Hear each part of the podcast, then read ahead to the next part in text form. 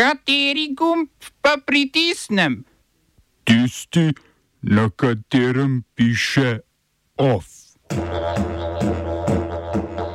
Pirova zmaga ljudske stranke v Španiji.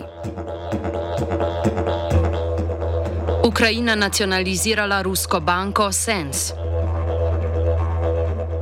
Inšpektorat za nezakonit najem ukrajinskih delavcev trem podjetjem naložil 40 tisoč evrov globe. Zavarovalnica vzajemna proti preoblikovanju v delniško družbo.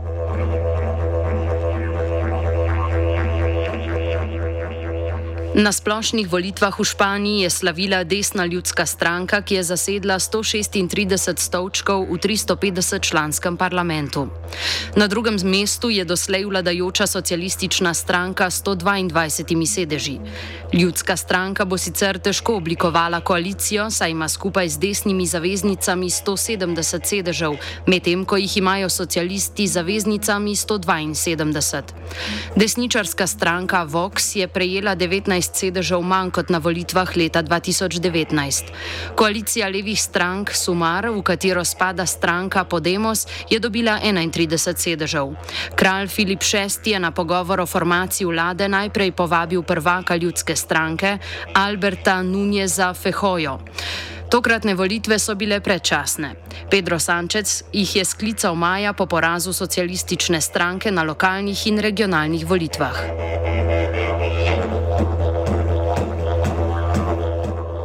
Bolgarski parlament je ruskemu naftnemu podjetju Lukoil ukinil koncesijo za upravljanje naftnega terminala Rozenec v bližini črnomorskega pristanišča Burgas.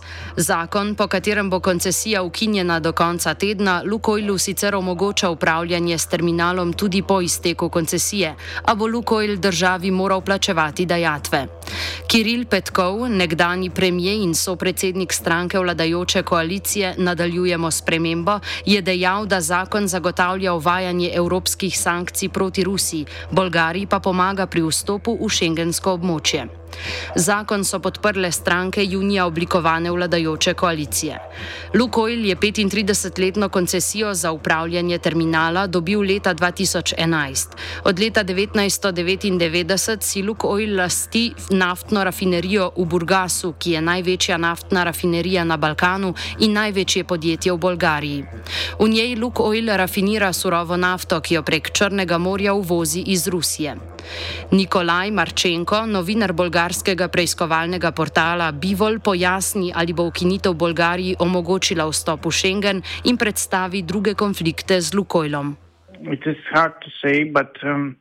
our media platform, as an investigative media platform, Bivol.bg, has tens, tens, and maybe hundreds of investigations on Lukoil in Bulgaria. Uh, since uh, 2010. Our information is that uh, there is no real control on th- this part of uh, EU border. Uh, this big um, port oil terminal is under con- was under control of Russian securities.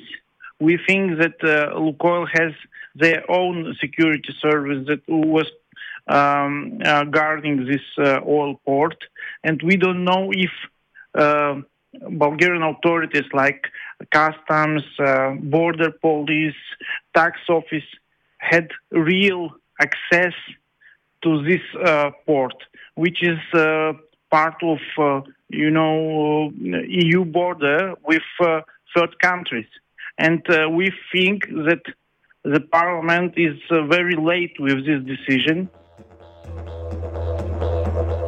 Ukrajinsko finančno ministrstvo je sporočilo, da je zaključilo z nacionalizacijo banke Sens. Večino delnic banke so upravljali trije ruski oligarhi: Mihajl Friedman, Peter Aven in Andrej Kosogov. Že aprila je Ukrajinska centralna banka podjetja, prek katerih so si trije možje lastili banko, razglasila za nezanesljiva. Banka spada med deset največjih finančnih institucij v Ukrajini. Pred rusko invazijo v Ukrajini se je imenovala Alfa banka. Ukrajinski predsednik Volodimir Zelenski je junija podpisal zakon, ki vladi omogoča nacionalizacijo sistemsko pomembnih bank, katerih lastniki so sankcionirani zaradi ruske invazije v Ukrajini.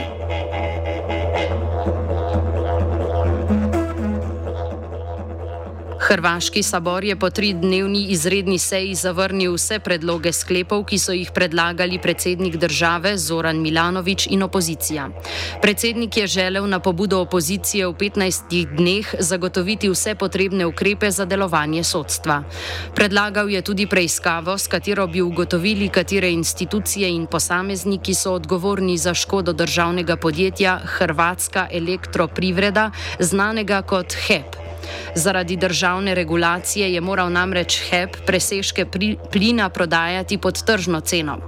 Pravosodni uslužbenci zaradi nizkih plač stavkajo prek 50 dni, vlada Andreja Plenkoviča pa ni pripravljena ugoditi njihovim zahtevam.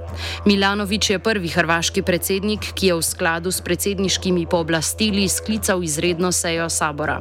A večina, zbrana okrog vladajoče HDZ, je ukrepanje na seji zavrnila.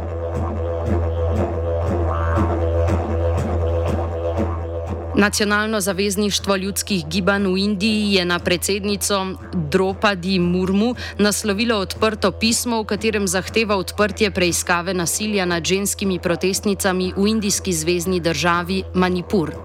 V Manipurju so se maja začeli spopadi med dvema etničnima skupinama, večinskimi Meiteji in manjšinskimi Kukiji. Čeprav gre za večinsko populacijo, Meiteji namreč zahtevajo dostop do pravic manjšin. Povod za pismo je video posnetek posilstva dveh kukijskih protestnic, ki je konec prejšnjega tedna dosegel internet. Iz posnetka je razvidno, da je več sto moških 4. maja nadlegovalo protestnici, ki so ju prisilili, da se slečeta. Po objavi posnetka je več manipurskih žensk požgalo hišo enega izmed domnevnih posiljevalcev.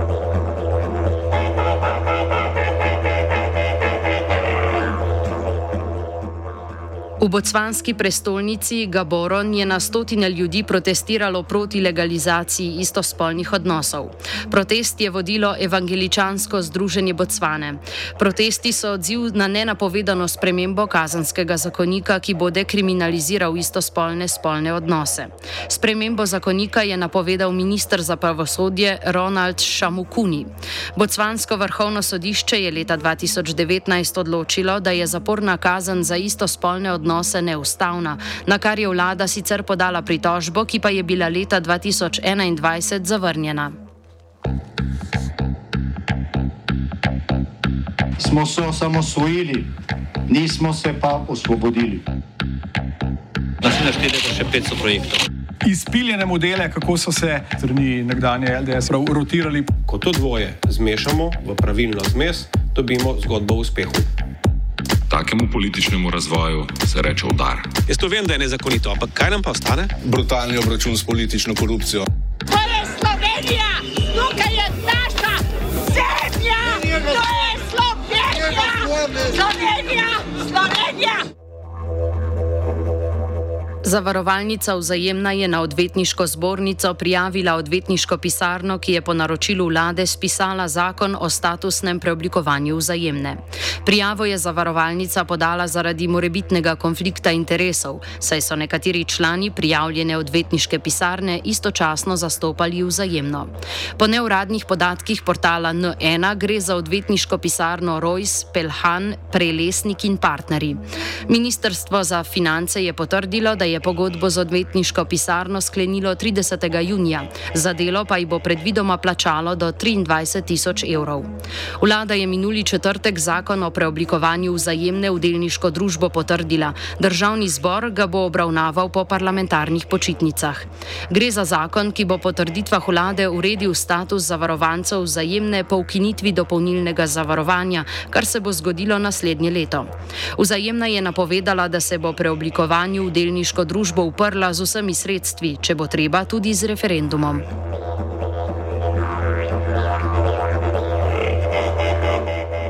Inšpektorat za delo je podjetjem Alumero, Askar Slo, Prana in njihovim odgovornim osebam naložil globo v višini dobrih 40 tisoč evrov, potem ko so v podjetjih odkrili nelegalno zaposlovanje tujih delavcev.